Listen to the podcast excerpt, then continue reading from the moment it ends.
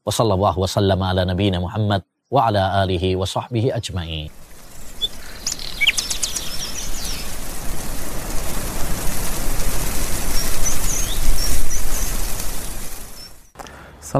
warahmatullahi wabarakatuh. Alhamdulillah wassalatu wassalamu ala Rasulillah wa ba'd. Saudaraku yang dirahmati oleh Allah Subhanahu wa taala. Siapa di antara kita yang tidak memiliki masalah? Yang tidak memiliki problem? Baik ketika berhadapan dengan pasangannya, suami atau istri, ketika berinteraksi dengan anak-anaknya, atau ketika berada di kantor, ketemu dengan rekanan bisnis, atau klien atau ada masalah dengan usaha kios yang dia punya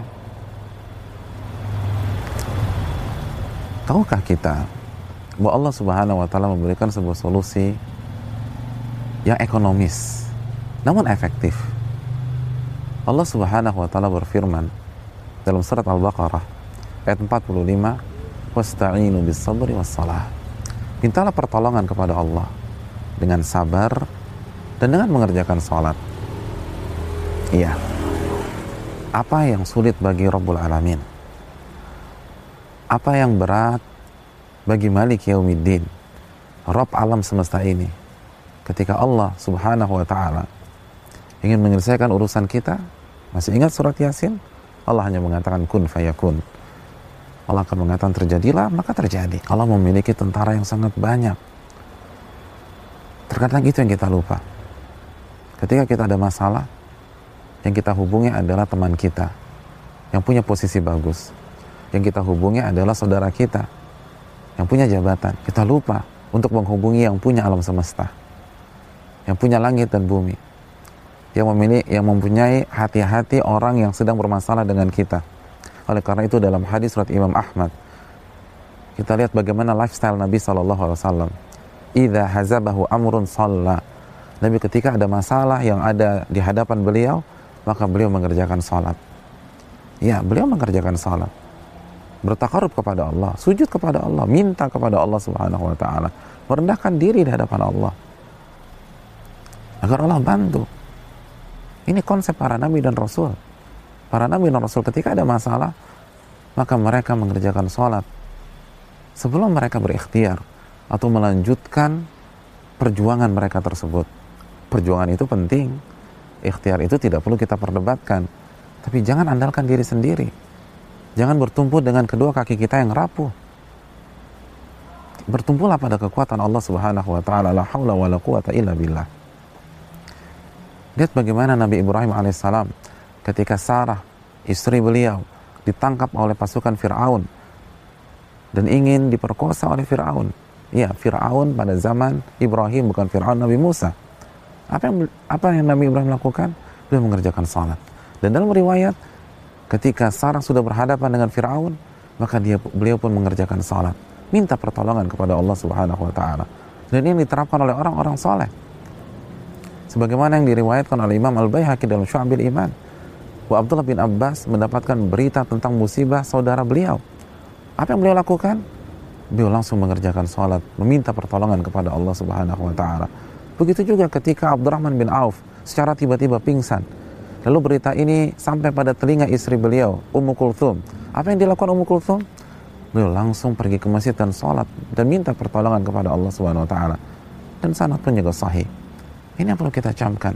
Bagaimana orang-orang soleh tersebut, mereka berjuang, mereka berusaha, mereka berikhtiar, tapi mereka tidak melupakan Allah Subhanahu wa taala. Mereka tidak mengandalkan kemampuan mereka yang sangat terbatas.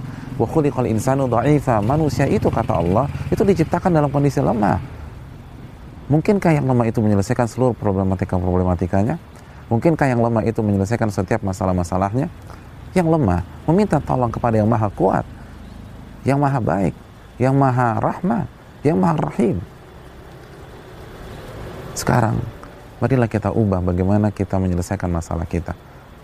Luangkan waktu. Tidak lama. Tidak membutuhkan waktu satu jam atau dua jam. Hanya membutuhkan waktu berapa menit. Ambil air wudhu. Lalu niatkan sholat mutlak minta pertolongan kepada Allah Subhanahu Wa Taala. Sholat. Apabila pada saat itu bertepatan dengan sholat sunnah tertentu seperti duha lakukan sholat duha kalau itu tidak berkaitan dengan sholat sunnah tertentu maka kerjakan sholat sunnah mutlak. Dua rakaat salam. Dua rakaat salam dua rakaat salam. Dan rasakan bedanya karena Allah akan tolong kita. Karena Allah Subhanahu wa taala menjanjikan ud'uuni astajib lakum minta kepada diriku aku akan kabulkan. Wassalamualaikum warahmatullahi wabarakatuh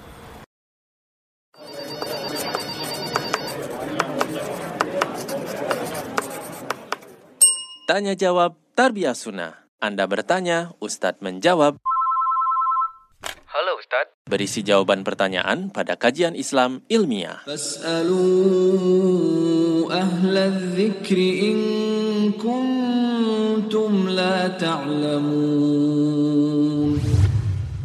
Afan, Ana bertanya di luar tema, namun hari Selasa Ana mau berangkat nazar. Uluh anak mau hmm, tanyakan bagaimana nador yang syar'i menurut sunnah. Ya lihat aja. Boleh terang-terangan, boleh ngintip. Boleh ngintip kalau mau nador ya. Asal betul dengan niat mau menikahi. Kalau tidak berniat menikahinya nggak boleh nador. Tiap hari nador akhwat terus. Kamu kenapa nador sunnah loh? Mau menikahi? Enggak ada, saya sudah punya. Enggak boleh itu maksiat dosa ya. Jadi nazar hanya kepada wanita yang mau dinikahi baik sepengetahuan wanita itu ataupun diam-diam mengintip ya, dibolehkan ya. Nah, kalau sekarang kondisi sekarang ngintip kan susah ya.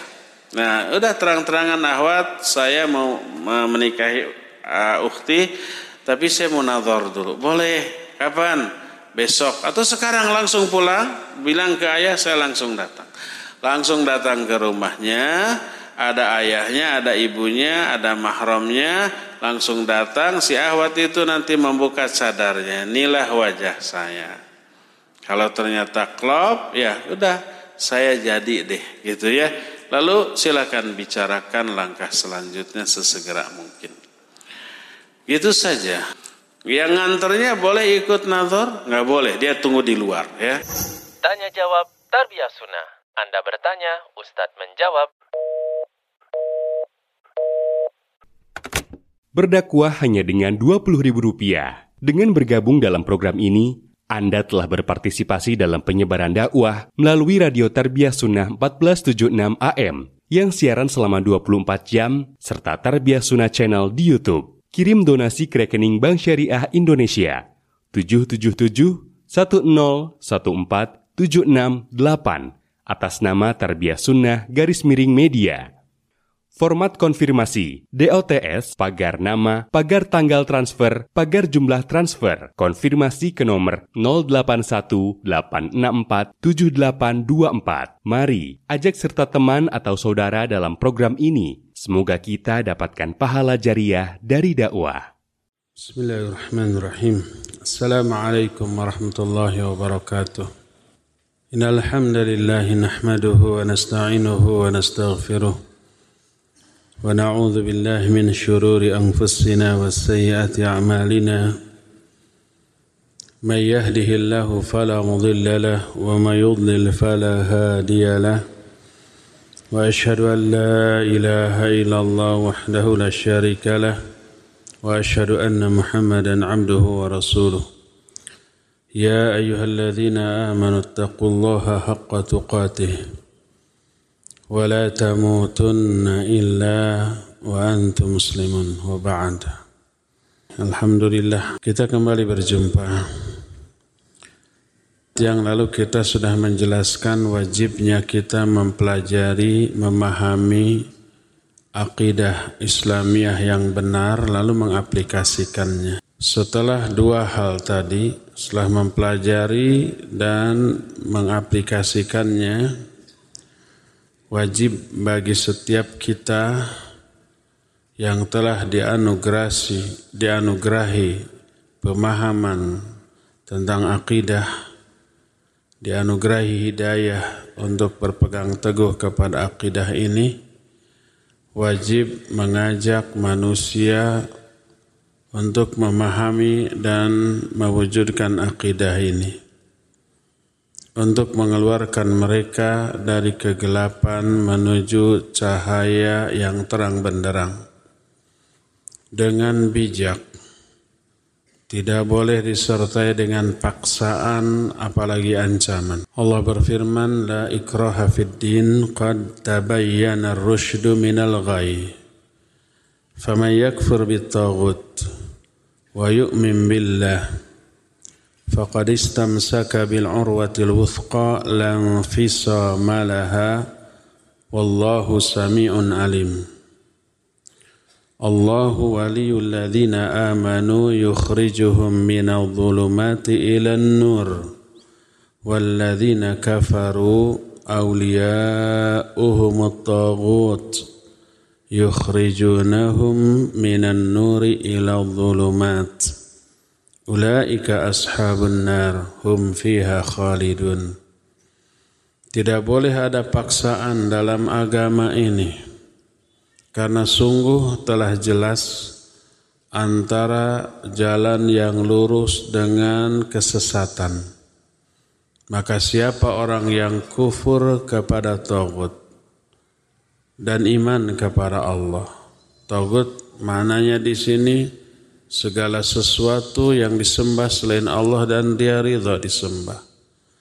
Kullu ma'ubida min dunillah wa huwa radin. Itu tagut. Siapa yang kufur kepada sesembahan-sesembahan lain selain Allah dan beriman kepada Allah berarti dia telah berpegang teguh kepada tali Allah yang kuat lang malaha yang tidak akan pernah lepas selama-lamanya. Dan Allah maha mengetahui, maha mendengar dan maha mengetahui. Allah lah wali bagi orang-orang yang beriman. Allah pelindung bagi orang-orang yang beriman. Allah mengeluarkan orang-orang beriman dari kegelapan menuju cahaya. Dari syirik kepada tauhid dari kufur kepada iman, dari akidah keyakinan yang rusak kepada akidah yang hak. Itu yang Allah lakukan kepada orang-orang beriman. Adapun orang-orang kafir, pelindung mereka adalah Tagut. Tagut itu mengeluarkan mereka dari cahaya kepada kegelapan. Dari Islam kepada kufur dari tauhid kepada syirik. Itu kerjaan tagut memurtadkan. Mereka lah para penghuni neraka dan mereka kekal di dalamnya. Jadi akidah tidak boleh difahami dan dimiliki sendirian. Setelah dimiliki, difahami, diaplikasikan, wajib didakwahkan agar orang pun memiliki akidah yang sama, baik pemahaman ataupun pengamalan. Dan mengajak manusia kepada akidah yang benar ini merupakan intisari dan pembuka dakwah seluruh rasul. Para rasul tidak pernah memulai memulai dakwah dengan yang lain. Pasti dengan akidah dengan tauhid menyeru dan mengajak manusia untuk hanya menyembah Allah. Allah berfirman dalam An-Nahl ayat 36 walaqad ba'atsna fi kulli ummatin rasulan an i'budullaha wajtanibut taghut. Sungguh kami telah mengutus ke setiap umat satu orang rasul yang menyerukan sembahlah oleh kalian Allah dan jauhi tagut. Ini inti dari la ilaha illallah. Jauhi tagut, kufur kepada tagut, ingkari semua sesembahan-sesembahan dan hanya menyembah satu sesembahan yang hak yaitu Allah Subhanahu wa taala. Semua rasul menyerukan seruan ini sebagaimana diserukan dalam surah Hud ayat yang ke-50 ya qaumi ibudullaha ma lakum min ilahin ghairu wahai kaumku sembahlah oleh kalian Allah yang tidak ada sembahan lain yang hak bagi kalian kecuali hanya dia. Itu diserukan oleh semua Rasul. Dikatakan oleh Nabi Nuh, Nabi Hud, Nabi Soleh, Su'aib, Ibrahim, Musa, Isa, dan seluruh Nabi, termasuk Nabi Muhammad Sallallahu Alaihi wa alihi Wasallam. Maka orang yang sudah memahami akidah yang benar dan sudah mengaplikasikannya, tidak boleh itu ditahan hanya untuk diri sendiri. Tapi harus didakwahkan. Manusia diajak kepada akidah ini dengan hikmah dan pengajaran yang baik dan bila dibutuhkan berdebat dengan cara yang baik sebagaimana yang Allah jelaskan kepada para rasul. Dakwah kepada akidah, mengajak manusia kepada akidah ini merupakan fondasi, asas, dasar, dan titik tolak bagi seluruh dakwah, seluruh langkah dakwah. Manusia tidak boleh diajak kepada perkara lain sebelum akidah ini tertanam secara kokoh dan kuat. Karena akidah ini fondasi yang menjadi penentu baik buruknya amal, baik buruknya niat. Tanpa akidah yang benar, seluruh amalan akan tidak sah, tidak diterima, tidak dipahalai. Orang umpama beribadah kepada Allah, sholat, zakat, saum, haji, infak, sodakoh, menolong banyak orang, tapi karena kerusakan akidahnya dia berbuat syirik. Perbuatan syiriknya ini menggugurkan seluruh pahala amal baik yang pernah dia lakukan. Jangankan orang biasa, Nabi Muhammad sallallahu alaihi wasallam sudah kita terangkan di pertemuan yang lalu kalau beliau dengan ibadah sehebat itu, baik kualitas ataupun kuantitas, lalu melakukan perbuatan syirik, niscaya terhapus seluruh amal ibadah yang pernah dilakukan. Allah berfirman, La in asyrokta la yahbatanna amaluk. Kalau engkau, hei Muhammad, berbuat syirik, niscaya akan batal seluruh amal baikmu yang telah lalu. Maka kerusakan akidah ini menyebabkan tertolaknya amal, tidak diterimanya amal dan tidak dipahalai. Ya. Sesuatu yang sudah kita maklumi bersama bangunan apa pun tidak akan bisa kokoh berdiri kecuali setelah dibangun fondasi yang kuat dan benar. Bangunan Islam ini fondasinya adalah akidah. Akidah rusak, amal atau bangunan amal dari agama ini yang dibangun di atas akidah yang rusak tadi rusak pula. Tercampuri kufur, tercampuri syirik, Termasuk syiriknya syirik kecil umpamanya ria, ujub, sum'ah, takabur merusak amal kita. Oleh karena itu para rasul amat memperhatikan akidah ini sebelum hal lain. Coba lihat. Ketika Nabi alaihi salatu wassalam dalam hadis yang diterima dari Ibnu Abbas radhiyallahu an radhiyallahu anhuma Ketika Nabiullah alaihissalat wassalam mengutus Mu'ad bin Jabal ke Yaman. Beliau memberi pepeling wasiat. Kata beliau kepada Mu'ad, Innaka ta'ti qawman min ahlil kitab. فليكن أول ما تدعوهم إليه شهادة أن لا إله إلا الله. وفي رواية إلى أن يوحدوا الله. فإنهم أطاعوك لذلك فأعلمهم أن الله افترض عليهم خمس صلوات في كل يوم وليلة.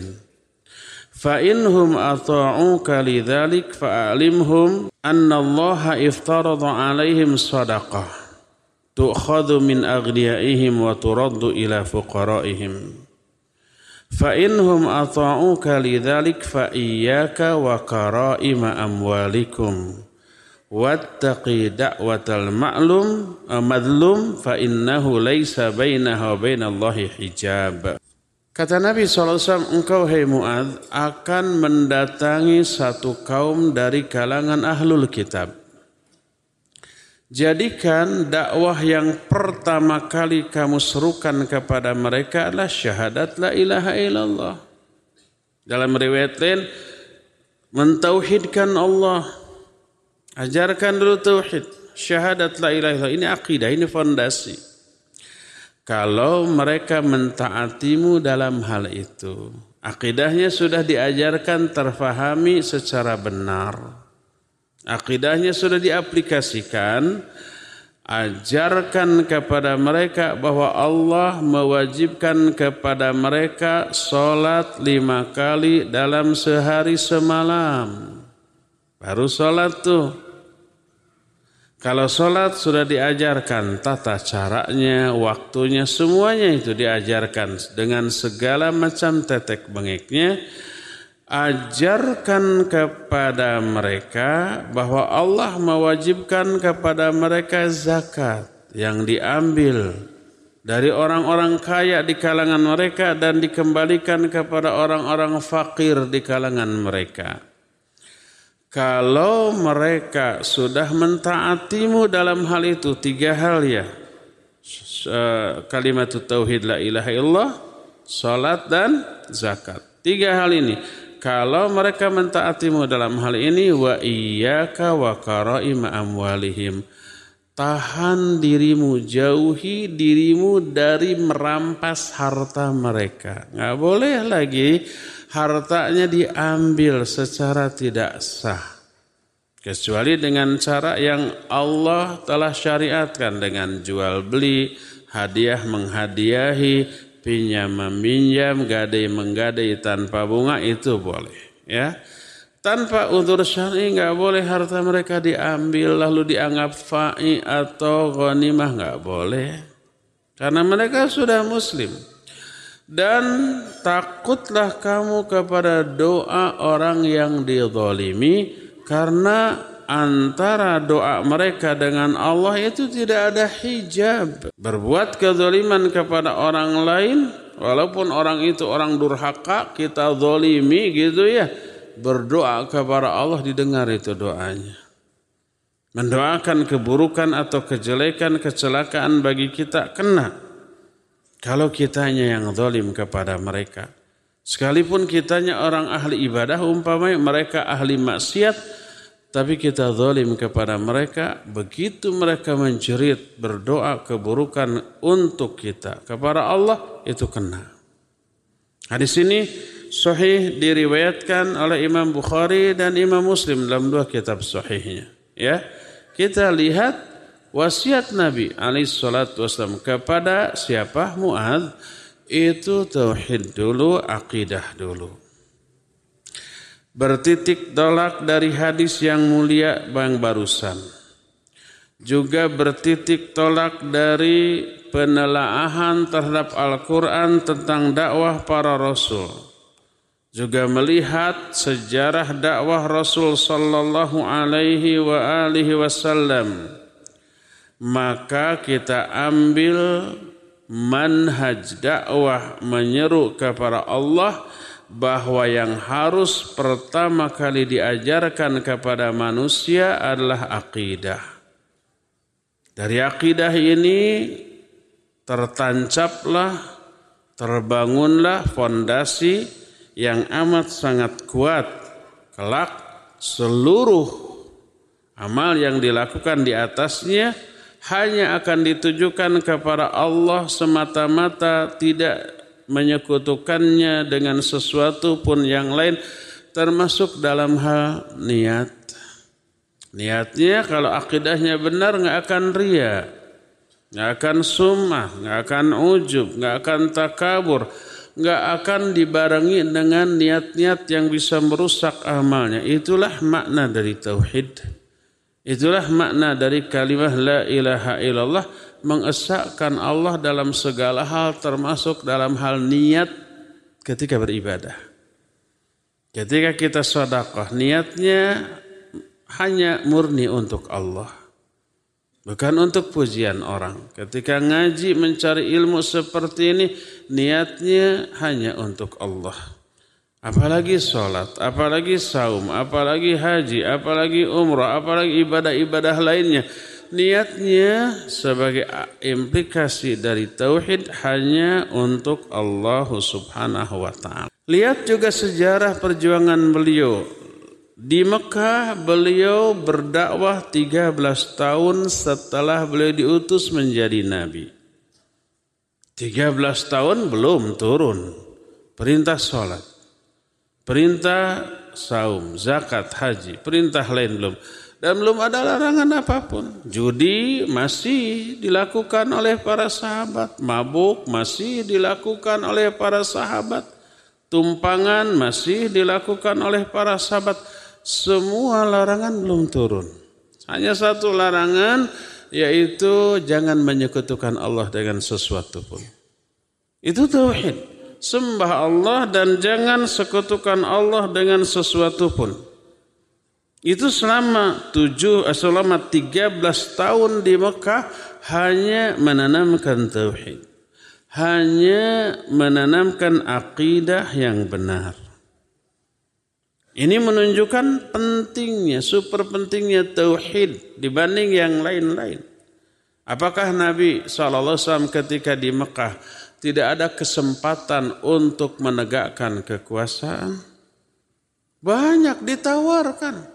Saking puyengnya orang-orang kafir Quraisy terhadap dakwah Nabi kita Muhammad SAW, mereka mengirim utusan lalu memberikan tawaran, Hai Muhammad, kalau kamu berbuat semua ini karena ingin harta, kami kumpulkan seluruh harta kami, kami berikan kepada engkau.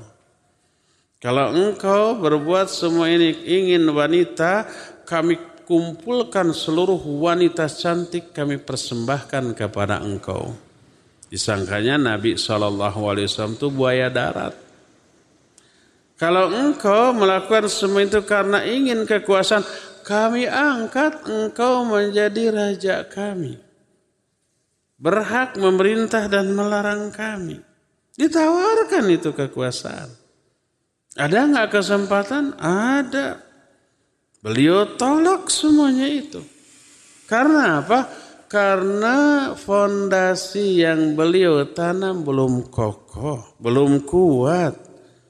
Fokusnya ini fondasi dulu nih. Kalau fondasi masih rapuh, hanya sejengkal ditanam di tanah dengan apa namanya adukan hanya pasir tanpa semen umpamanya. Semen bukan merek kan? Rapuh lalu dibangun bangunan di atasnya ambruk itu bangunan. Kita tidak menginginkan bangunan Islam pada diri kaum muslimin ambruk di tengah jalan ketika ada terpaan godaan ke dalam kehidupan mereka. Fondasi diperkuat, diperkokoh 13 tahun namanya.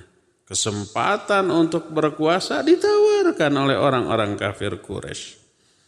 Tauhid nomor satu dibanding kekuasaan. Jangan berpikir sebaliknya tegakkan dulu kekuasaan, setelah kekuasaan tegak baru tegakkan tauhid. Terbalik dari sejarah perjuangan Nabi Wasallam, terbalik juga dari esensi dari ajaran Islam. Kalau tauhid bisa kita tegakkan dalam diri kita setiap saat. Pas mati tauhid kita sudah tegak, kita sudah siap menghadap Allah. Kalau kekuasaan ratusan tahun beberapa generasi belum tentu tegak. Sementara akidah tauhid diabaikan. Mati dalam keadaan akidah buruk, tercampur syirik, tercampur kufur, tercampur bid'ah dalam akidah. Mati dalam keadaan demikian, kekuasaan masih jauh teraih. Wah bahaya. Oleh karena itu semua ini menunjukkan dengan penunjukan yang jelas tentang kekeliruan orang yang aktif di dunia dakwah tapi mengabaikan aspek tauhid. Tidak memperhatikan aspek tauhid, lebih fokus kepada masalah-masalah sia-sia, masalah politik, masalah perebutan kekuasaan, semua ayat dibawanya ke sana, semua hadis, semua ceramah dibawanya untuk merebut kekuasaan dan nyinyir kepada orang yang menggembar-gemborkan dakwah akidah dan tauhid. Terus saja ngaji tauhid jihadnya kapan? Disangkanya mereka sudah berjihad. Jihad tanpa tauhid ini berbahaya ya. Jadi ketika ada penyimpangan dalam aspek politik, politik itu fikih, fikih siasa ya dibahasnya dalam masalah fikih. Lebih mana, lebih kuat mana fikih siasa dengan fikih ibadah seperti tata cara wudhu, tata cara sholat. Ya lebih utama tata cara wudhu, tata cara sholat dibanding fikih siasa. Nah, kalau ada penyimpangan dalam masalah fikih siasa, dalam masalah politik, reaksinya berlebihan. Tapi kalau ada penyimpangan dalam masalah akidah atau tauhid di kalangan kaum muslimin, maka diam cuek seribu bahasa. Penyimpangan dalam masalah politik mengabaikan hak sesama manusia. Penyimpangan dalam akidah atau tauhid mengabaikan hak siapa? Allah subhanahu wa ta'ala. Mana yang harus lebih dicemburui terampasnya hak sesama manusia atau terampasnya hak Allah? Tentu saja terampasnya hak Allah yang wajib lebih dicemburui oleh kita. Oleh karena itulah maka Allah Azza wa Jalla memerintahkan kepada Nabi sallallahu alaihi wa alihi wasallam sebelum melebarkan sayap dakwah ke tengah manusia yang lebih luas, maka tanamkan terlebih dahulu tauhid dalam diri dan keluarga. Allah berfirman dalam surah Asy-Syu'ara ayat 214, "Wa anzir ashiratakal aqrabin." Berikan peringatan kepada kerabatmu yang terdekat, keluargamu yang terdekat. Itu dulu. Dan dari aspek tauhid terlebih dahulu. Jangan dulu dari aspek-aspek yang lain di luar tauhid. Sampai-sampai dalam surah At-Taubah 123 Allah berfirman, Ya ayyuhalladzina amanu qatilul ladzina yalunakum minal kuffar wal yajidu fikum ghilzah wa'lamu annallaha ma'al muttaqin. Hei orang-orang yang beriman. Perangi itu orang-orang kafir yang ada di sekeliling kamu. Wal yajidu fikum miliki atau tunjukkan oleh kamu sikap keras kepada mereka. Wa'lamu annallaha ma'al muttaqin dan ketahuilah bahwa Allah selalu menyertai orang-orang yang bertakwa. Jangan lembek, berlemah lembut, toleran terhadap kekufuran dan perbuatan syirik. Sikap keras itu maknanya bukan keras kasar, bukan. Beda antara keras dengan kasar. Kalau keras itu istiqomah tegas. Tapi menyampaikannya bisa lembut? Ya bisa. Yuk kita ngerokok sekenyot? Enggak. Sekenyot ya? Enggak, enggak. Tetap lemah lembut. Ya, tidak dengan kasar. Antara lemah apa tegas dengan kasar dua hal yang apa? Yang berbeda. Kadang-kadang kasar tapi tidak tegas. Masa begitu? Ya tapi kan ada, oh iyalah, kan begitu. Kasar mah karakter gitu ya. Tegas mah sikap yang me, atau prinsip yang harus dipegang dan diterapkan secara benar. Ya. Coba lihat ada satu kisah dihikayatkan seorang kuburi. Kuburi ini orang yang berdoa meminta-minta ke penghuni kubur. Si penghuni kubur ini mungkin dulu waktu hidup orang soleh. Dianggap wali Allah mungkin benar. Lalu mati. Ada orang datang ke kuburan berdoa. Berdoanya bukan kepada Allah tapi kepada si penghuni kubur. Syirik apa bukan? Ya syirik. Tidak boleh. Wahai umpamanya kakek nenek yang sudah ada di alam baka, saya masih jomblo mudahkan jodoh saya. Itu syirik karena meminta kepada selain selain Allah. Berbeda hukumnya datang ke kuburan minta kepada Allah dengan tabarruk kepada penghuni kubur. Itu tidak syirik. Bukan berarti boleh. Itu termasuk syirik kecil. Umpamanya mintanya kepada Allah di hadapan kuburan. Minta uang umpamanya apa namanya? Rabbana sahil uh, ya Rabbana ya Kudus. Sahil lana bil fulus. Warna merah yang halus-halus. Minimal 10 kardus. Berdoanya itu kepada siapa kepada Allah syirik apa tidak tidak, tidak syirik.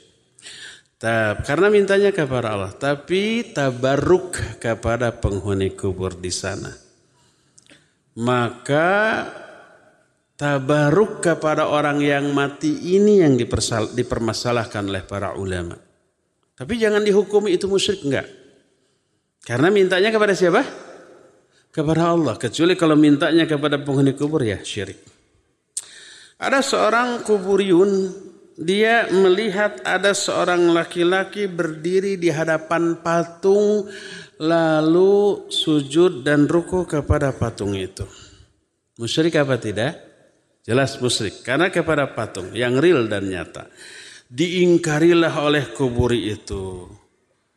Lalu dia menyatakan, Ya abidas sanam, anta ta'budu makhluqan. Wahai apa namanya penyembah berhala. Kenapa engkau menyembah kepada makhluk? Apa jawaban si penyembah uh, berhala tersebut? Dia berkata, Anta ta'budu makhluqan ghaiban angka wa ana a'budu makhluqan ma'ilan amami fa ayuna a'jab. Si penyembah berhala itu berargumentasi dengan argumentasi yang telak. Kata dia, engkau juga menyembah makhluk yang gaib dari dirimu. Karena yang disembah orang yang sudah matinya kan. Sedangkan aku menyembah makhluk yang real dan nyata yang ada di hadapanku ini. Mana yang lebih aneh? Kita sama-sama menyembah makhluk. Cuma bedanya yang kamu sembah mah makhluk gaib yang tidak kelihatan, yang aku sembah mah makhluk yang real yang nyata. Mana yang lebih aneh? Si kuburin ini matiku tuh tidak bisa menjawab. Ini sebenarnya dua-duanya syirik dan sesat karena kedua-duanya sama menyembah kepada makhluk yang tidak memberi madarat ataupun manfaat. Akan tetapi kita lihat bahwa orang-orang kuburi tadi tenggelam dalam kesesatan yang lebih dalam daripada para penyembah patung yang real sesembahan mereka. Jadi wajib bagi setiap doa yang mengajak manusia beribadah kepada Allah untuk memfokuskan dakwahnya kepada akidah lebih besar daripada aspek-aspek yang lain. Lebih mengutamakan akidah dalam dakwah dan penjelasannya daripada perkara-perkara yang lain dan mengajak manusia yang menyimpang dalam hal ini dan inilah manhaj dakwah Nabi kita Muhammad sallallahu alaihi wa alihi wasallam. Allah berfirman dalam surah Yusuf ayat yang ke-108. Qul hadhihi sabili ad'u ila Allahi ala basiratin ana wa manittaba'ani wa subhanallah wa ma ana minal musyrikin. Kata Allah, katakan olehmu hai Muhammad, inilah jalan dakwahku, jalan hidupku, Aku mengajak manusia kepada Allah atas landasan ilmu yang aku lakukan dan dilakukan orang-orang yang mengikuti aku. Maha suci Allah dan aku tidaklah termasuk orang-orang yang musyrik. Berkata Imam Ibn Jarir At-Tabari rahimahullah dalam kitab tafsirnya ketika menafsirkan ayat ini. Kata beliau, يقول تعالى ذكره لنبيه محمد صلى الله عليه وسلم قل يا محمد هذه يعني الدعوة التي أنؤ إليها والطريقة التي أنأ عليها من الدعاة إلى التوحيد وإخلاص العبادة له دون الآلهة والأوثان والانتهاء إلى طاعته وترك معصيته سبيلي يعني طريقتي ودعوتي. Ad'u ila Allah Ta'ala wahdahu la syarikalah ala basiratin bidzalika wa yaqinin wa ilmin minni bihi. Ana wa yad'u ilaihi ala basiratin aidan man wa sadaqani wa amana bi. Kata Imam Ibn Jarir Allah berfirman dalam ayat ini kepada nabinya Muhammad sallallahu alaihi wasallam. Katakan oleh Muhammad inilah jalanku, inilah maksud ininya adalah dakwah yang aku lakukan. Jalan hidup yang aku lakukan juga dilakukan oleh para duat mentauhidkan Allah, memurnikan ibadah hanya kepada Allah bukan kepada sembahan yang lain yang mengaplikasikan ketaatan yang mutlak kepadanya dan meninggalkan maksiat kepadanya inilah jalanku inilah dakwahku yaitu mengajak manusia kepada Allah di atas keyakinan dan ilmu dariku yang juga dilakukan oleh orang-orang yang mengikutiku orang yang menyertaiku mempercayaiku dan beriman kepadaku Wa subhanallah yaqulu ta'ala dzikruh qul katakan olehmu Muhammad maha suci Allah maha agung Allah bahwa kesucian Allah itu menyebabkan dia tidak layak memiliki sekutu baik dalam kekuasaan dalam pemeliharaan alam termasuk dalam hal hak untuk disembah dan aku bukanlah termasuk orang-orang musyrik. Maknanya aku berlepas diri baik dari perbuatan syirik ataupun dari para pelaku perbuatan syirik. Aku bukan golongan mereka dan mereka bukan golongan aku. Itu penjelasan Imam Ibnu Jarir At-Tabari rahimahullah Ayat yang mulia ini menunjukkan pentingnya mengetahui akidah Islamiyah dan mendakwahkannya. Mendakwahkan akidah Islamiyah secara benar. Dan para pengikut Rasul alaihi wassalatu wassalam. Mereka pun mengikuti beliau dalam hal itu. Dalam hal dakwah fokus kepada akidah terlebih dahulu. Dan Allah mensifati baik Nabi ataupun para pengikutnya dengan dua sifat. Pertama ilmu, kedua dakwah. Ilmu diambil dari ala basiratin. Aku berdakwah itu di atas landasan basirah. Basirah itu adalah ilmu. Kemudian mendakwahkan ilmu akidah yang hak ini. Ya, Sebaliknya wa anna man lam yata'allam ahkamal aqidah wa yahtammu biha wa yad'uhi wa yad'u wa yad'u ilaiha falaysa min atba'ir rasul 'alal haqiqah wa in kana min atba'ihi ala sabilil intisab ad-da'awi. Adapun orang yang tidak mempelajari akidah terlebih dahulu, tidak memperhatikan aspek akidah terlebih dahulu, tidak mendakwahkan akidah, maka dia dianggap bukan pengikut Rasul di dalam berdakwah. Walaupun secara umum dia pengikut Rasul SAW di luar itu. Tapi Nabi SAW pertama ilmu tentang akidah, yang kedua mendakwahkan akidah. Perkataan Qul hadhihi sabili inilah jalan hidupku. Ad'u ilallah. Aku mengajak manusia kepada Allah. Ini akidah, ini tauhid. Bukan mengajak manusia agar fanatik kepada pribadi si dai. Enggak, enggak boleh. Bukan mengajak manusia masuk ke dalam kelompok golongannya, organisasinya, ormasnya, partainya. Enggak. Dakwah itu mengajak manusia kepada siapa? Kepada Allah, bukan kepada golongan. Bukan kepada kelompok, bukan kepada organisasi, bukan kepada partai. Ad'u ilallah. Ad'u ilallah itu mengajak manusia kepada Allah untuk menyembah Allah, taat kepada Allah, tunduk dan patuh kepada Allah. Siapa orang yang mengajak manusia agar fanatik kepada pribadinya, fanatik kepada kelompok dan golongannya. Maka pada hakikatnya dia bukan mengajak manusia kepada Allah, tapi mengajak manusia kepada dirinya sendiri. Dan ini bukanlah dakwah yang hak. Jadi mendakwahkan tauhid atau akidah di atas landasan ilmu itulah pengikut Rasul alaihi salatu wassalam. Berkata Imam Ibn Qayyim rahimahullahu ta'ala. Beliau jelaskan dalam kitab As-Sawa'iqul Mursalah.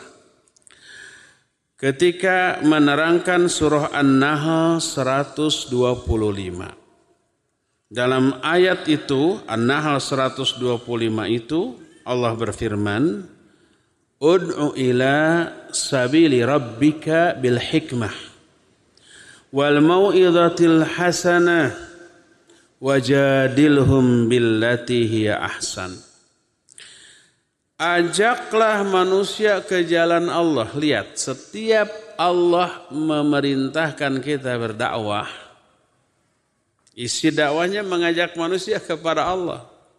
Bukan kepada person si dai, bukan kepada kelompok golongan organisasi si dai, enggak. Bukan tapi kepada Allah dan ajarannya. Kata Allah, "Ud'u ila sabili rabbika." Ajak manusia kepada jalan Rabbmu pertama bil hikmah. Dengan hikmah. Kedua, wal mau'izatil hasanah dengan pengajaran yang baik. Ketiga, wajadilhum billati ahsan. Debat mereka dengan cara yang baik. Ketika merangkan ayat ini, Berkata Imam Ibn Qayyim rahimahullah, "Dzakara subhanahu wa ta'ala maratib da'wah wa ja'alaha thalathata aqsam bihasbi halil mad'u." Allah dalam ayat ini menerangkan tiga tingkatan dakwah. Allah menyebut tiga jenis tingkatan dakwah sesuai dengan kondisi mad'u. Mad'u itu objek yang kita dakwahi audiens. Orang yang kita akan dakwahi kan beragam ya berbeda. Latar belakang pendidikan berbeda, kondisi ekonomi berbeda, budaya berbeda. Termasuk tingkat kecerdasan daya tangkap mereka juga berbeda. Makanya kelak reaksi juga akan berbeda.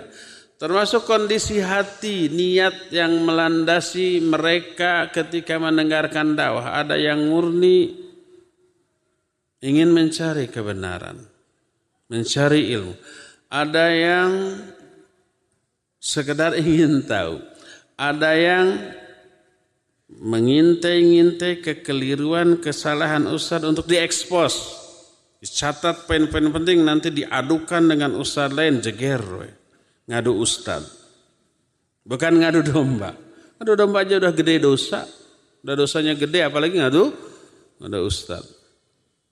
Banyak-banyak beragam apa namanya niat orang.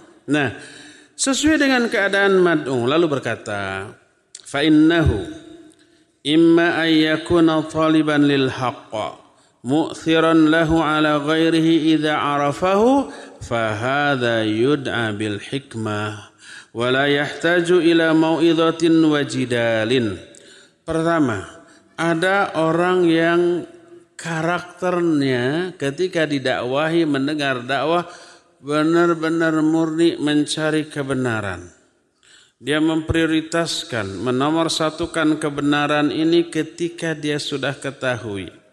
Dia akan pegang teguh, apa pun resikonya. Orang seperti ini didakwahi dengan cara hikmah. Tidak perlu mau idatil hasanah apalagi jidal, enggak. Ini yang pertama وإما أن يكون مشتغلا بضد الحق لكن لو عرفه آثره واتبعه فهذا يحتاج إلى الموئظة بالترغيب والترهيب jenis manusia kedua ada orang yang memang sibuk dengan kebatilan lawan dari kebenaran tapi ketika dia mengetahui kebenaran, dia akan pegang teguh dan mengikuti kebenaran itu. Orang kedua ini membutuhkan mau'idhah hasanah, diberi targhib dan tarhib. Targhib itu bahasa Sunda nama pangbibita. Iming-iming, motivasi, diberi penjelasan yang menggiurkan tentang orang yang beramal begini, begini, begini, begini. Ini nih dampak positifnya lahir batin, dunia akhirat, pribadi, keluarga, dan masyarakat. Begitu menggiurkan dan itu akan memotivasi. Itu targhib namanya. Atau beri tarhib. Tarhib itu lawan dari pangbibita, panyingsianan. Atau kasarna ancaman kalau enggak melakukan ini, nih sanksinya. Kalau melanggar larangan ini, nih hukumannya. Mengerikan. Setiap orang membutuhkan dua hal ini. Sejak mulai anak-anak, targhib dan tarhib memberi motivasi yang kuat untuk beramal. Saya sering contohkan kalau umpah seorang ibu mau menyuruh anaknya untuk melakukan satu pekerjaan tapi tanpa targhib dan tanpa tarhib itu kurang motivasi. Umpamanya nah tolong tuh sapu teras kotor tuh barala banyak sampah. Nih sapunya. Cuma gitu. Nurut nggak si anak? Kalau hanya begitu iman ketaatan si anak sangat tipis nggak nurut atau sekali nyaut, ya nanti santai, tenang aja, beres. Bari tidak di tidak dilakukan. Ada perintah. Tapi begitu dikasih iming-iming, nak tolong sapu. Nanti nih dikasih uang 50 ribu untuk beli pulsa. Termotivasi nggak itu si anak? Termotivasi, wah 50 ribu gitu ya. Iya, baik saya segera ya, saya segera lakukan. Lalu dia lakukan setelah itu mana 50 ribu itu. Adanya targhib, iming-iming memberi motivasi. Kalau targhib kurang memberi motivasi, tambah tarhib. Nah, tuh tolong sapu teras tuh. Kalau sapu, disapu, nih 50 ribu. Kalau enggak, sapu ini saya pukulkan kepada kamu sekarang juga. Ada tarhib, ada ancaman. Ancaman ini memotivasi enggak? Memotivasi dia mikir. Kalau melaksanakan memang ada capeknya. Tapi ada iming-imingnya yaitu 50 ribu dan selamat dari jepretan sapu. Kalau enggak, memang enggak capek. Tapi pasti sakit dan enggak bisa chatting. Kuota kan habis. Pulsanya habis. Adanya targib dan tarhib itu memotivasi setiap orang. Termasuk kita semua.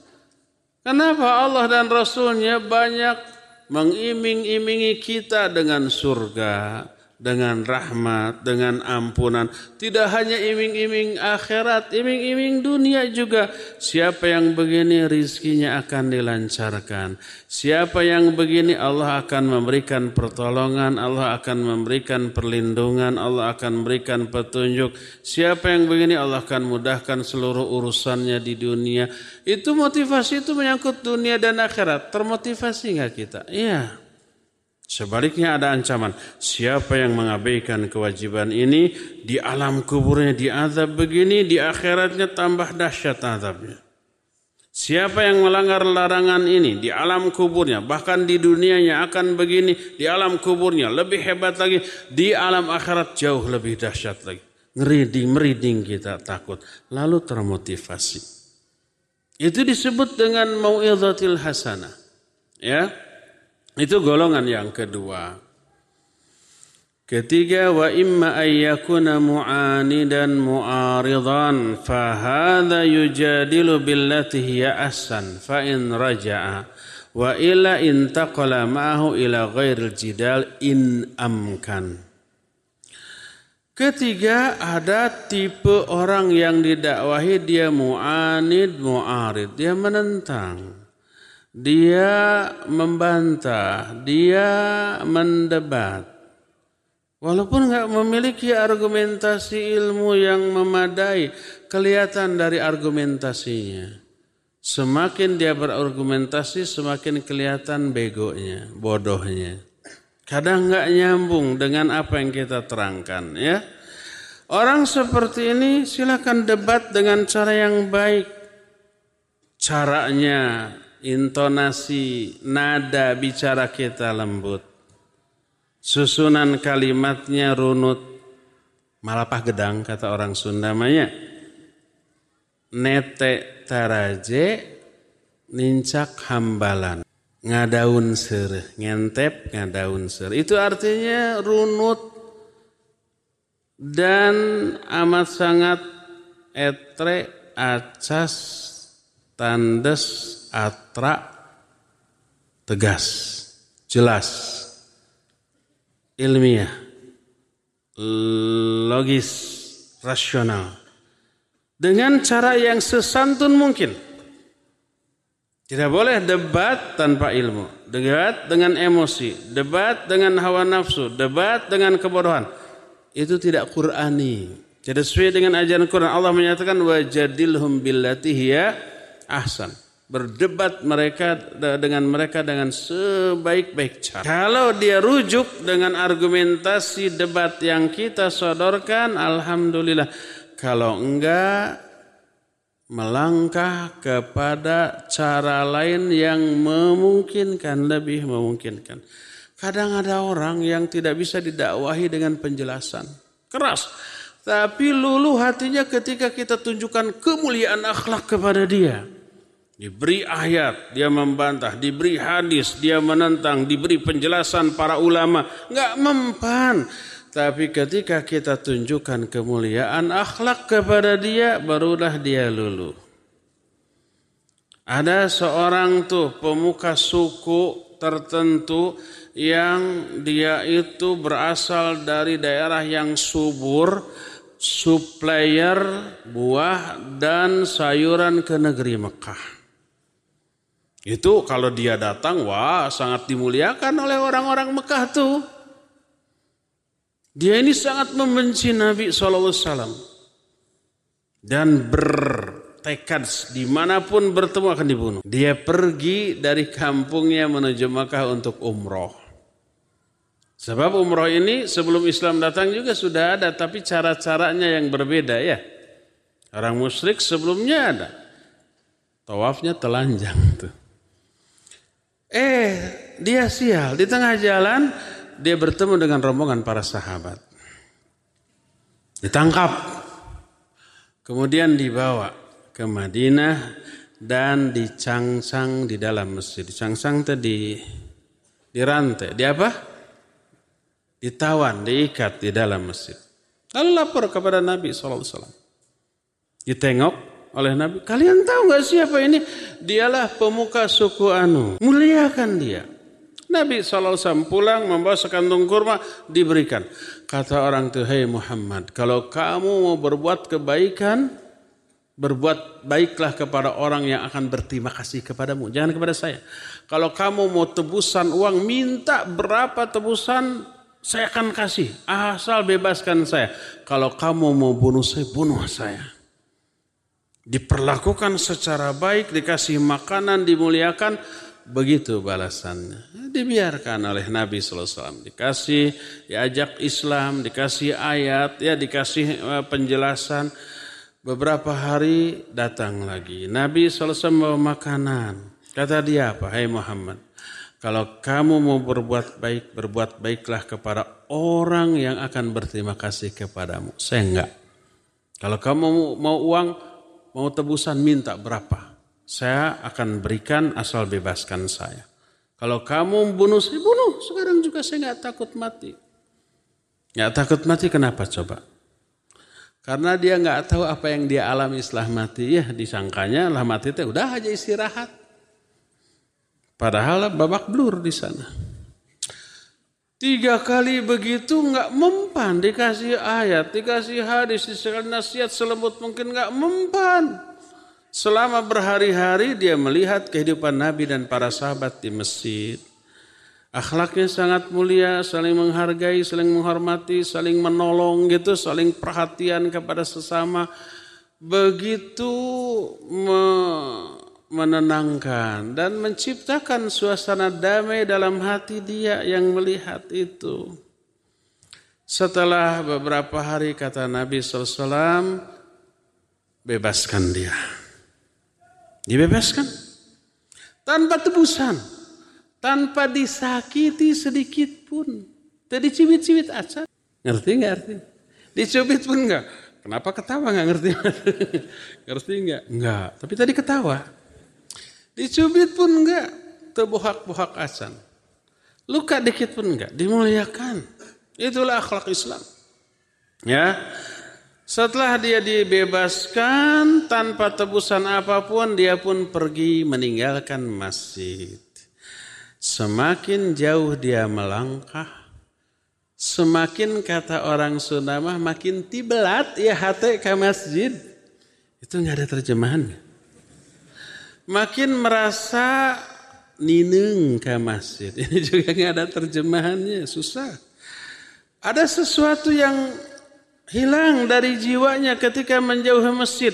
Makin jauh makin berat langkahnya. Red day, red day kata tukang itu. Akhirnya dia melirik lagi ke belakang, melirik lagi sampai di perbatasan kota Madinah. Semakin jauh dari masjid dia berhenti. Lalu berbalik ke arah masjid, kemudian dia melihat air, kemudian dia berwudu, lalu dia datang ke masjid ke Nabi Shallallahu Alaihi Wasallam. Kemudian berkata ya Muhammad yad, uh, muddayadak, ulurkan tanganmu. Diulurkan lalu dia bersyahadat asyhadu an la ilaha illallah wa asyhadu anna Muhammad rasul. Masuk Islam. Kenapa? Karena kemuliaan akhlak, kelemah lembutan. Bukan karena dalil, dikasih dalil ini dan dalil itu. Wah nggak mempan. Tapi ketika ditunjukkan kemuliaan akhlak, tanpa dia sadari itu tertanam menanamkan kedamaian yang tidak dia dapatkan dari yang lainnya. Akhirnya dia masuk Islam karena hal itu. Ya, ada tipe orang yang seperti itu. Berdasarkan hal itu, nggak boleh kita terhenti mendakwahi orang walaupun orang itu bandel, bedang wang kelang teka palang. Nggak bisa menerima kebenaran walaupun sudah 10 dan 20 kali kita dakwahi. Terus mungkin ke 30 kali baru terdakwai. 30 masih belum, mungkin ke 31. Terus saja, mungkin ke 100 kali. Kalau atau sampai akhir hayat dia dan akhir hayat kita, mati kita atau mati dia, dia tetap tidak memperoleh hidayah, maka memang orang itu sudah ditetapkan sebagai orang yang sesat di mata Allah Azza wa Jalla dan kita memperoleh pahala dari dakwah, usaha dan perjuangan yang kita lakukan.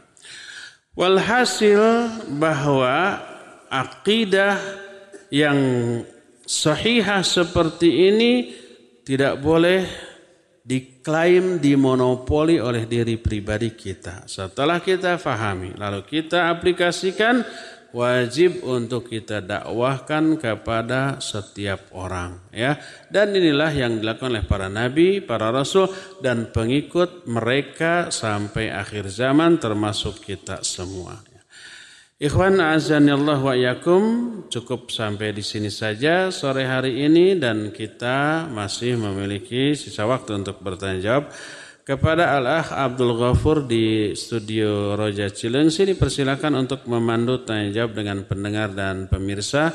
Wassallallahu ala nabiyina Muhammadin wa ala alihi wa ashabihi wasallam. Silakan Abdul Ghafur.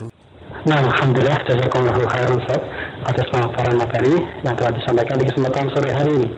Dan berikutnya Pak Digar maupun pemirsa di mana Anda berada, kita masuk ke sesi tanya jawab. Anda yang ingin bertanya melalui layanan telepon, tinggal 212836543 atau pertanyaan pesan singkat ke nomor 081 99543. Baik Ustaz, pertanyaan datang dari pesan singkat.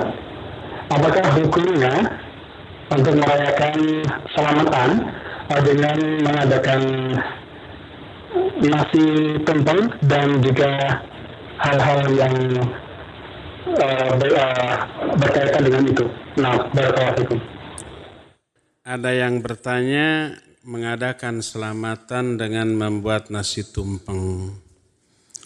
Ada yang isinya ayam, telur.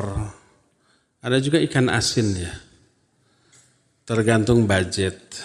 Iya, barakallahu fik. Pertama, makna selamatan di sana mungkin syukuran atas kegembiraan, kebahagiaan yang didapat. Mungkin anaknya baru lulus kuliah. Keluarganya senang lalu mengadakan syukuran. Padahal setelah lulus kuliah bingung ya. Cari kerja susah. Atau umpamanya ayahnya atau salah satu anaknya diterima kerja. Senang lalu syukuran. Atau dapat promosi naik jabatan, naik pangkat, lalu syukuran. Ah, caranya dengan membuat makanan.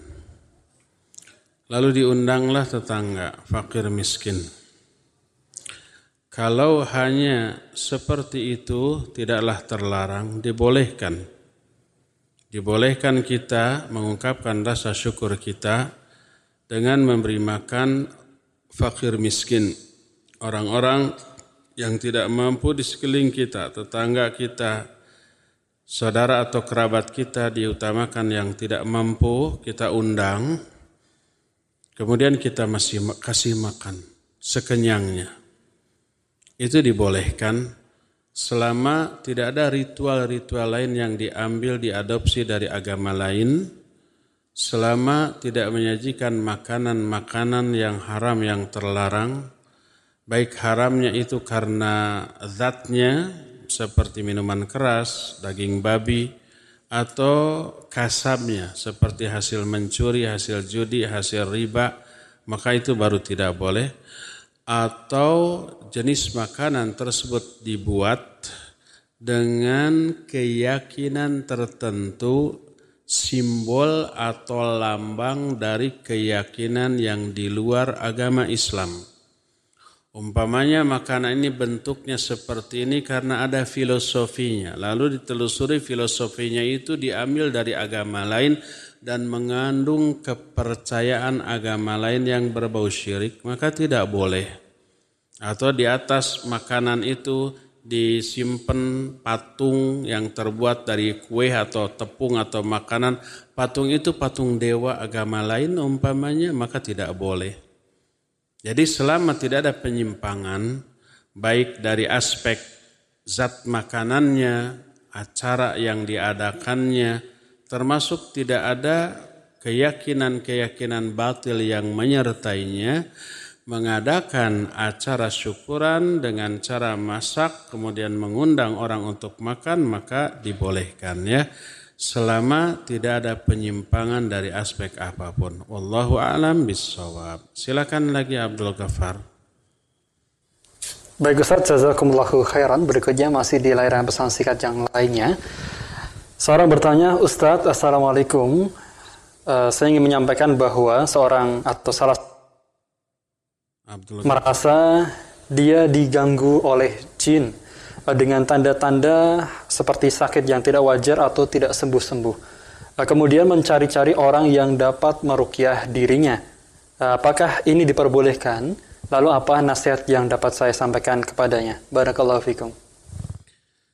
mudah-mudahan apa yang saya tangkap ini sesuai dengan yang dimaksud oleh penanya karena tadi terputus-putus di jalan ya. Ada orang yang sakit dan dia merasa sakitnya karena gangguan jin. Lalu dia mencari orang untuk merukyahnya. Pertama, pastikan dulu penyakit tersebut. Sebab banyak orang yang menyangka itu gangguan jin padahal penyakit biasa.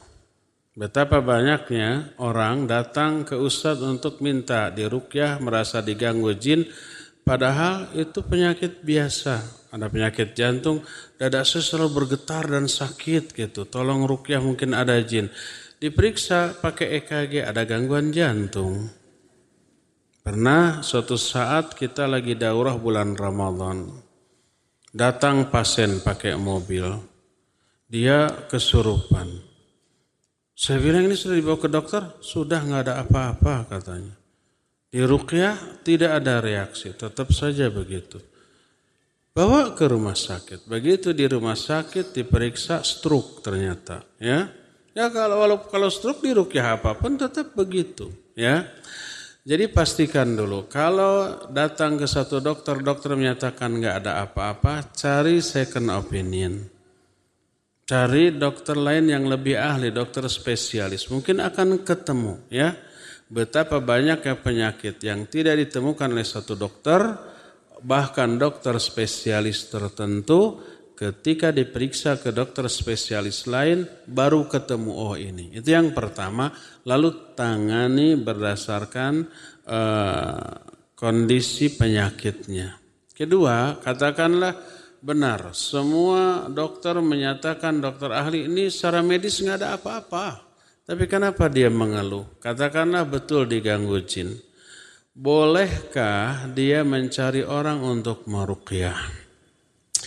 Kalau pertanyaannya boleh nggak minta diruqyah? Boleh. Tidak haram, tidak terlarang. Cuma ada cumanya dia kehilangan kesempatan masuk surga tanpa tanpa hisab. Nabi SAW menerangkan ada 70 ribu orang dari kalangan umatku yang akan masuk surga tanpa hisab.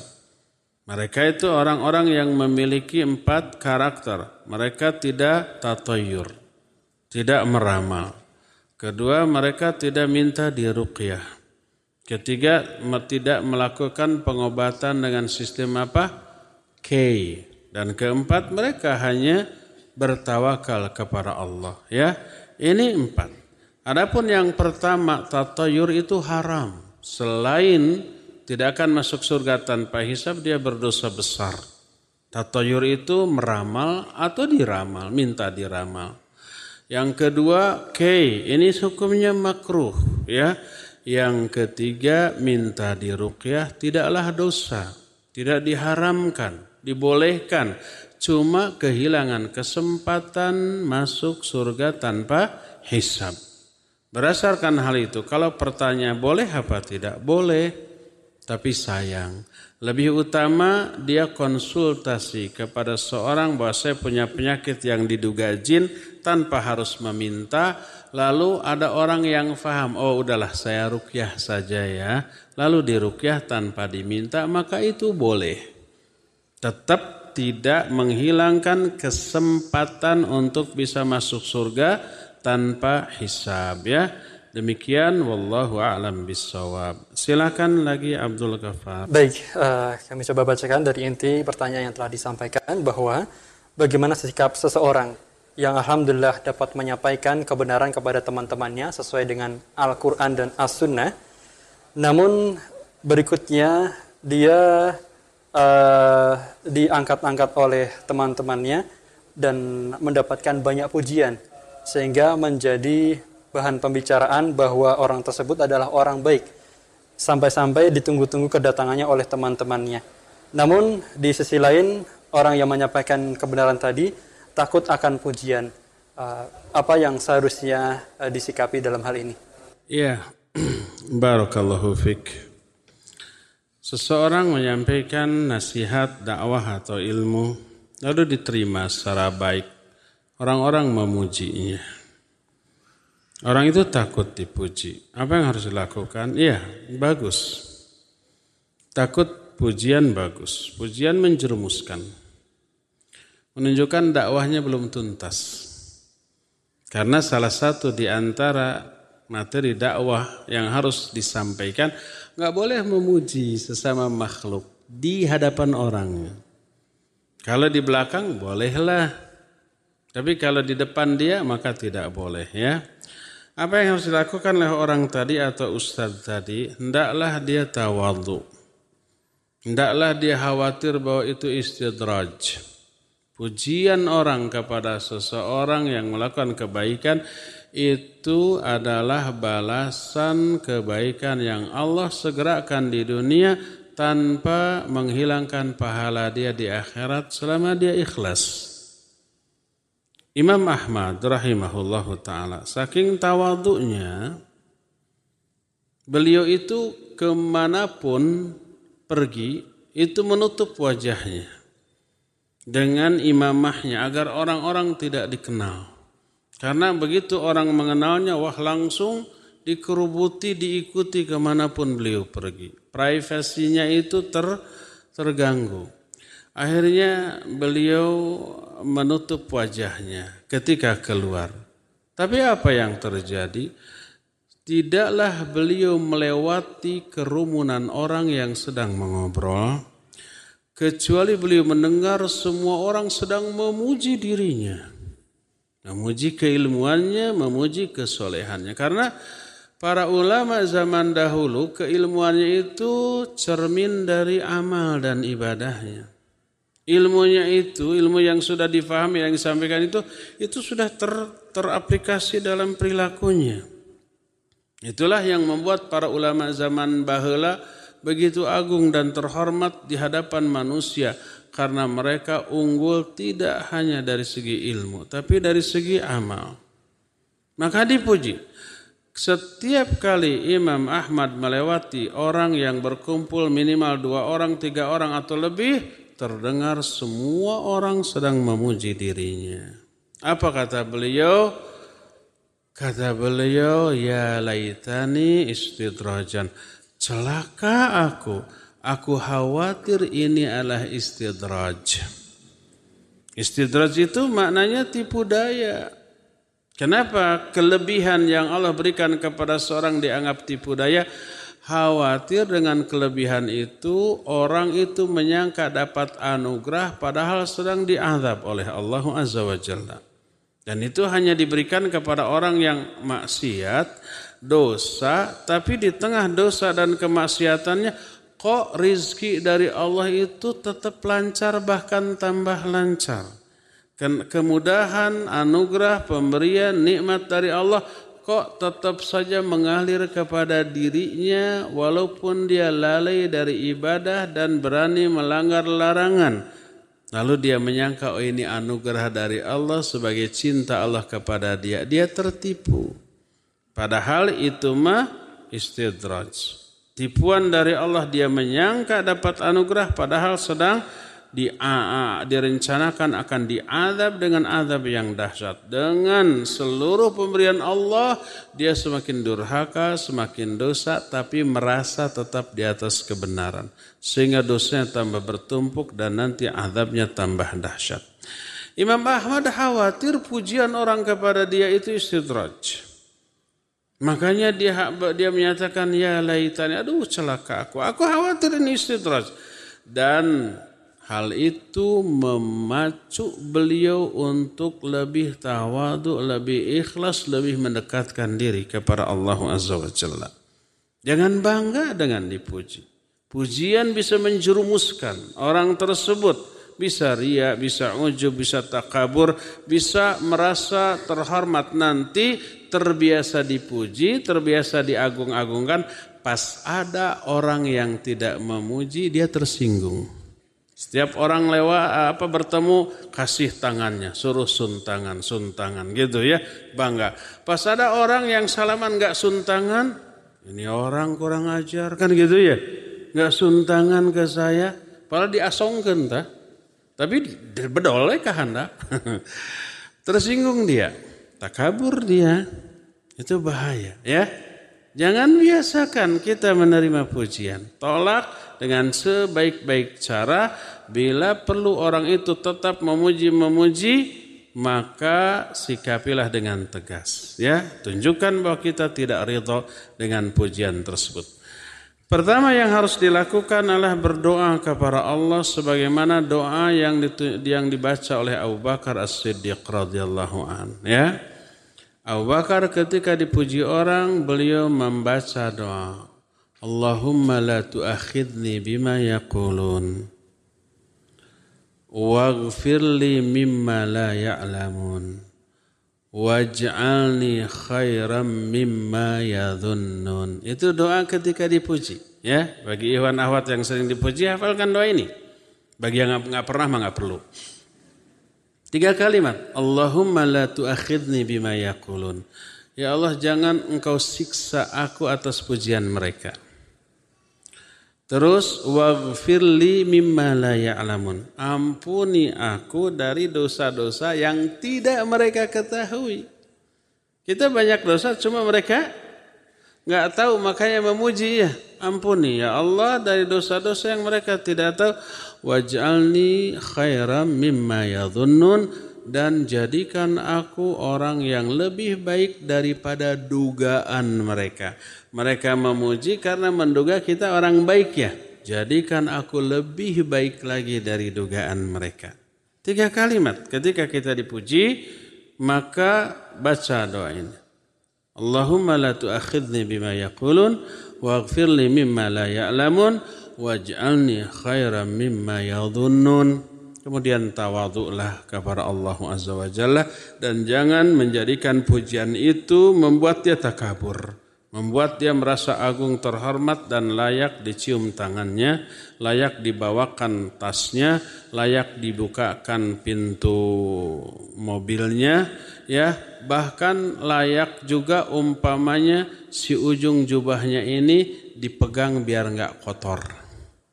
Maka nggak boleh seperti itu ya. Cukup sampai di sini saja. Insyaallah kita jumpa kembali. Subhanakallahum bihamdik. Asyhadu an la ilaha illa anta. Astaghfiruka wa atubu ilaik. Walhamdulillahi rabbil alamin. Wa sallallahu ala nabiyyina Muhammadin wa ala alihi wa ashabihi wasallam wassalamu alaikum warahmatullahi wabarakatuh. Radio Tarbiyah Sunnah. Lillah Nyunnah Merenah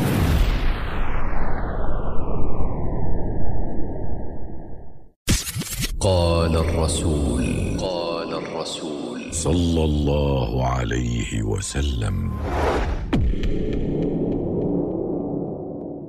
عن أبي هريرة رضي الله عنه عن النبي صلى الله عليه وسلم قال الناس معادن كمعادن الذهب والفضة خيارهم في الجاهلية خيارهم في الإسلام إذا فقهوا. والارواح جنود مجنده فما تعارف منها ائتلف وما تناكر منها اختلف رواه مسلم Dari Abu Hurairah radhiyallahu anhu bahwa Nabi Shallallahu alaihi wasallam bersabda, manusia ibarat barang tambang berharga seperti tambang emas dan perak. Orang yang mulia pada masa jahiliyah akan menjadi orang yang mulia juga dalam Islam apabila ia berilmu. Ruh ibarat pasukan yang dikumpulkan. Ia akan bersatu jika serasi dan akan berselisih jika tidak serasi. Hadis riwayat Muslim. Berdakwah hanya dengan Rp20.000. Dengan bergabung dalam program ini, Anda telah berpartisipasi dalam penyebaran dakwah melalui Radio Tarbiyah Sunnah 1476 AM yang siaran selama 24 jam serta Tarbiyah Sunnah Channel di YouTube. Kirim donasi ke rekening Bank Syariah Indonesia 777 1014 768 atas nama Tarbiyah Sunnah garis miring media. Format konfirmasi DOTS pagar nama, pagar tanggal transfer, pagar jumlah transfer. Konfirmasi ke nomor 0818647824. Mari ajak serta teman atau saudara dalam program ini. Semoga kita dapatkan pahala jariah dari dakwah. Assalamualaikum warahmatullahi wabarakatuh. Alhamdulillah hamdan kathiran tayyiban mubarakan fih kama yuhibbu rabbuna warda. Wassalatu wassalamu ala nabiyina Muhammad wa ala alihi wa sahbihi wa man sara ala nahjihi bi ihsanin ila yaumil ba'd. Saudaraku, ada sebuah kalimat yang tidak bisa dipisahkan dengan kehidupan seorang muslim. Kalimat yang kita gunakan untuk menyapa saudara kita. Kalimat yang merupakan syiar dari syiar-syiar di dalam Islam itu ucapan salam. Assalamualaikum warahmatullahi wabarakatuh. Saya yakin semua kita sudah mengenal kalimat ini dan sudah pernah mengucapkannya, walaupun mungkin tidak setiap hari, atau bahkan ia sudah mengamalkan sunnah Nabi Shallallahu Alaihi Wasallam. Karena kalimat ini begitu luar biasa. Kalimat ini adalah sarana agar umat Islam saling mencintai. Karena Nabi yang mengatakan, Awala adullukum ala syai'in idha fa'altumuhu tahabbabtun. Maukah kalian aku beritahu sebuah resep yang apabila kalian amalkan, kalian akan saling mencintai. Afshus salama bainakum. Sebarkan salam di tengah-tengah kalian. Dan ketika Nabi kita Wasallam ditanya tentang salah satu amalan terbaik di dalam Islam, beliau mengatakan tut'imu ta'am wa salam ala man arafta wa man lam ta'rif. Engkau memberikan makan dan engkau memberikan salam kepada orang yang engkau kenal dan orang yang tidak engkau kenal. Namun siapa di antara kita yang benar-benar mendapatkan pahala saat mengucapkan salam? Saudaraku yang dirahmati oleh Allah, di setiap amal ibadah kita memiliki prinsip dan standar yang sama. Bahwa amal ibadah tidak akan diterima oleh Allah Subhanahu wa taala kecuali terpenuhi dua syarat. Syarat yang pertama ikhlas kepada Allah dan syarat yang kedua mengikuti tuntunan Nabi Shallallahu Alaihi Wasallam. Begitu juga ketika kita berbicara tentang salam. Saat kita mengucapkan Assalamualaikum warahmatullahi wabarakatuh maka ini menunjukkan kita sudah mengikuti tuntunan Rasulullah Sallallahu Alaihi Wasallam. Sehingga pertanyaan terakhirnya, agar kita mendapatkan pahala, sudahkah kita ungkapkan dengan penuh keikhlasan? Sudahkah kita benar-benar mencari ridha Allah saat kita mengucapkan Assalamualaikum warahmatullahi wabarakatuh atau pada saat kita menjawab salam Waalaikumsalam warahmatullahi wabarakatuh. Ini tanda tanya besar yang harus kita jawab dalam perkara salam. Karena beritibak saja, mengikuti sunnah saja tidak cukup untuk melahirkan amal yang berbuah manis di sisi Allah Subhanahu wa taala. Ittiba harus digabungkan dengan keikhlasan.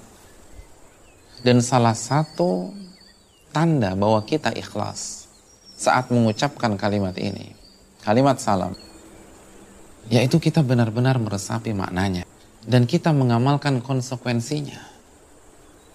Saat kita mengucapkan Assalamualaikum warahmatullahi wabarakatuh, itu bukan hanya ucapan sapaan saja, namun itu doa. Kita mengatakan semoga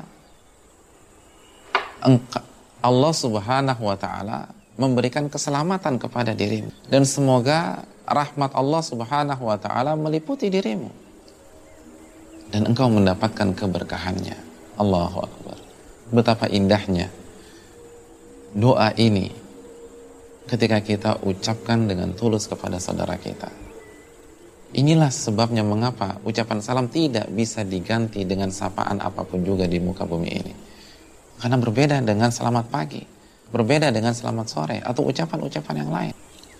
Karena pada saat itu kita mendoakan agar saudara kita selamat. Agar saudara kita mendapatkan rahmat. dan agar saudara kita mendapatkan keberkahan. Ibnul Qayyim mengatakan berkah adalah ketika kita mendapatkan kebaikan yang banyak dan langgeng. Bukan hanya satu dua detik. Jadi pada saat kita mengucapkan Assalamualaikum warahmatullah. Kita berharap orang tersebut dijaga dan diselamatkan oleh Allah. Baik di dunia maupun di akhirat. Dan dia mendapatkan rahmat Allah. Dan ia mendapatkan kebaikan demi kebaikan dalam waktu yang sangat lama. Sudahkah itu meresap di dalam hati kita ketika kita mengucapkan Assalamualaikum? Atau hanya sekedar formalitas saja? Hanya sekedar budaya saja? Hanya sekedar kebiasaan saja? Hadirin sekalian, ketika kita mengucapkan Assalamualaikum warahmatullah, maka kita harus menjaga saudara kita. Karena kita baru saja mendoakan dia agar selamat di dunia dan akhirat. Maka kita punya konsekuensi, kita punya tanggung jawab untuk menjaga keselamatannya. Yang pertama tentu saja, keselamatan akhiratnya. Ketika kita melihat dia melakukan kemungkaran, melakukan kemaksiatan, atau melakukan kebitahan atau kesyirikan, sudahkah kita memiliki pemikiran saya harus menyelamatkan dia? dari siksa api neraka. Bagaimana cara saya menasehati dia? Bagaimana agar dia selamat dan bagaimana agar dia meninggalkan kesalahan dan kemungkarannya. Ini yang harus ada di benak kita, harus ada dalam hati kita. Bukan kita biarkan saja dia tenggelam di dalam kemaksiatan. Bukankah baru saja Anda mengatakan Assalamualaikum warahmatullahi wabarakatuh? kita ingin dia selamat di dunia dan di akhir. Maka konsekuensinya kita harus berusaha mendakwahinya. Kita harus berusaha mengingatkannya. Kita harus berusaha menyampaikan kebenaran tentu saja dengan syarat-syarat amar ma'ruf nahi mungkar.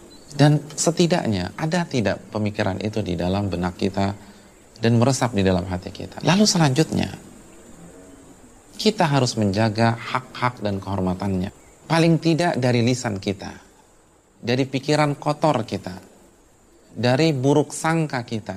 Ketika kita mengucapkan Assalamualaikum warahmatullahi wabarakatuh, maka kita tidak boleh mencacinya. Kita tidak boleh memakinya. Kita tidak boleh buruk sangka kepada dia. Kecuali ada bukti dan ada dalil. Dan ini dijelaskan oleh para ulama. Kita tidak boleh menggibahinya. Kita tidak boleh memfitnahnya. Kita tidak boleh mengolok-olok dirinya. Kita tidak boleh menyudutkannya Sufyan bin Uyainah pernah mengatakan, ketika kita mengucapkan Assalamualaikum warahmatullah dan dijawab Waalaikumsalam warahmatullahi wabarakatuh, maka maknanya anta minni salim wa ana minka salim. Engkau selamat dari gangguanku dan aku pun selamat dari gangguanmu. Allah jadi ketika kita mengucapkan Assalamualaikum warahmatullah, kita dituntut untuk menjaga kehormatan, menjaga perasaan, menjaga hak orang tersebut. Karena kita baru saja mendoakan keselamatan, rahmat Allah dan kebaikan untuk dia. Sungguh hal yang aneh dan lucu. Lima menit yang lalu kita mengucapkan Assalamualaikum warahmatullahi wabarakatuh. Lalu saat ini kita olok-olok dia. Kita tertawakan. Kita gibahi. Kita fitnah. Kita berburuk sangka ini hal yang tidak benar. Berarti ketika Anda mengucapkan Assalamualaikum, Anda tidak tulus dari dalam hati. Itu hanya permainan bibir Anda saja. Jangan menjadi orang munafik ketika mengucapkan salam. Kita tahu tanda orang munafik idha haddatha kadhab. Jika dia berbicara, dia berdusta. Anda baru saja mendoakan agar dia mendapatkan keselamatan di dunia dan di akhirat. Mendapatkan kebaikan, mendapatkan rahmat Lalu saat ini Anda membicarakan dirinya, Anda berburuk sangka kepada dia, Anda celah dia, Anda sakiti perasaannya, Anda zolimi dia, Anda tipu dia. Ini pelajaran bagi kita. Maka orang yang mengucapkan Assalamualaikum warahmatullahi wabarakatuh, warahmatullahi wabarakatuh, dia harus menjaga lisannya di hadapan saudaranya. Dia harus berkata-kata yang lembut untuk saudaranya. Dia harus menginginkan kebaikan untuk saudaranya dia harus berkata jujur untuk saudaranya. Ketika ada seorang calon pembeli mendatangi toko kita, maka kita harus jujur dalam menjelaskan. Jangan kita tipu. Bukankah Anda baru saja mengucapkan Waalaikumsalam warahmatullahi wabarakatuh? Jangan menjadi munafik ketika mengatakan syiar Islam yang satu ini. Karena syiar ini sangat agung. Kitalah orang yang pertama dituntut untuk menjaga haknya saat kita mengucapkan Assalamualaikum warahmatullahi wabarakatuh. Ingatlah perkataan Sufyan bin Uyainah, Anta minni salim, wa ana minka salim. Engkau selamat dari gangguanku, engkau selamat dari cacianku, engkau selamat dari ucapan lisanku, dan aku pun selamat dari ucapan lisanmu dan ulahmu. Kita saling menjaga perasaan, menjaga hak, dan menjaga keselamatan di antara kita.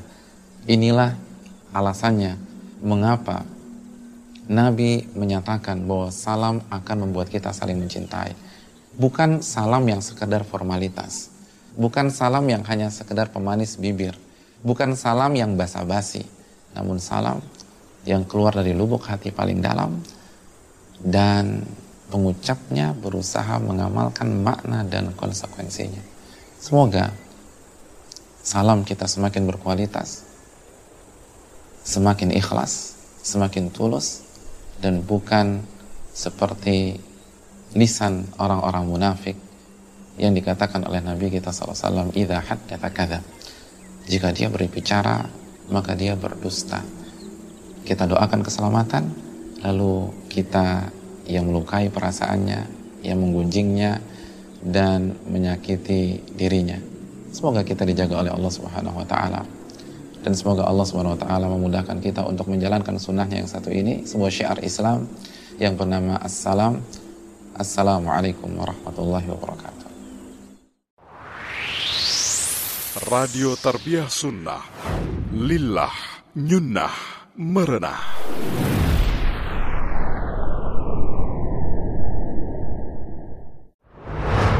Hafalkan doa ini. Ud'uni astajib.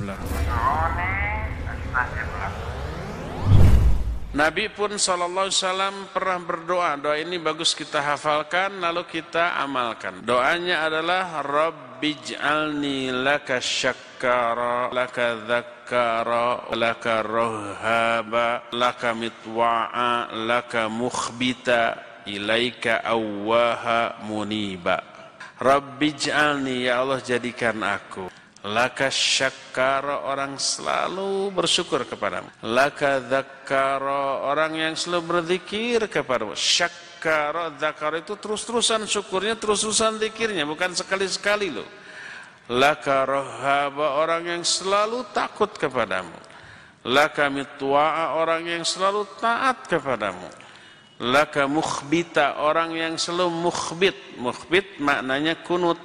Kunut itu dawamu taat. Istiqomah di atas ketaatan. Mukhbit itu istiqomah. Di atas kebaikan. Ilaika awwaham muniba dan menjadi orang yang awwah dan munib kepadamu. Awwah orang yang selalu menghibah kepada Allah memelas kepada Allah ngalengis ke Allah subhanahu wa ta'ala muniba orang yang inabah kepada Allah subhanahu wa ta'ala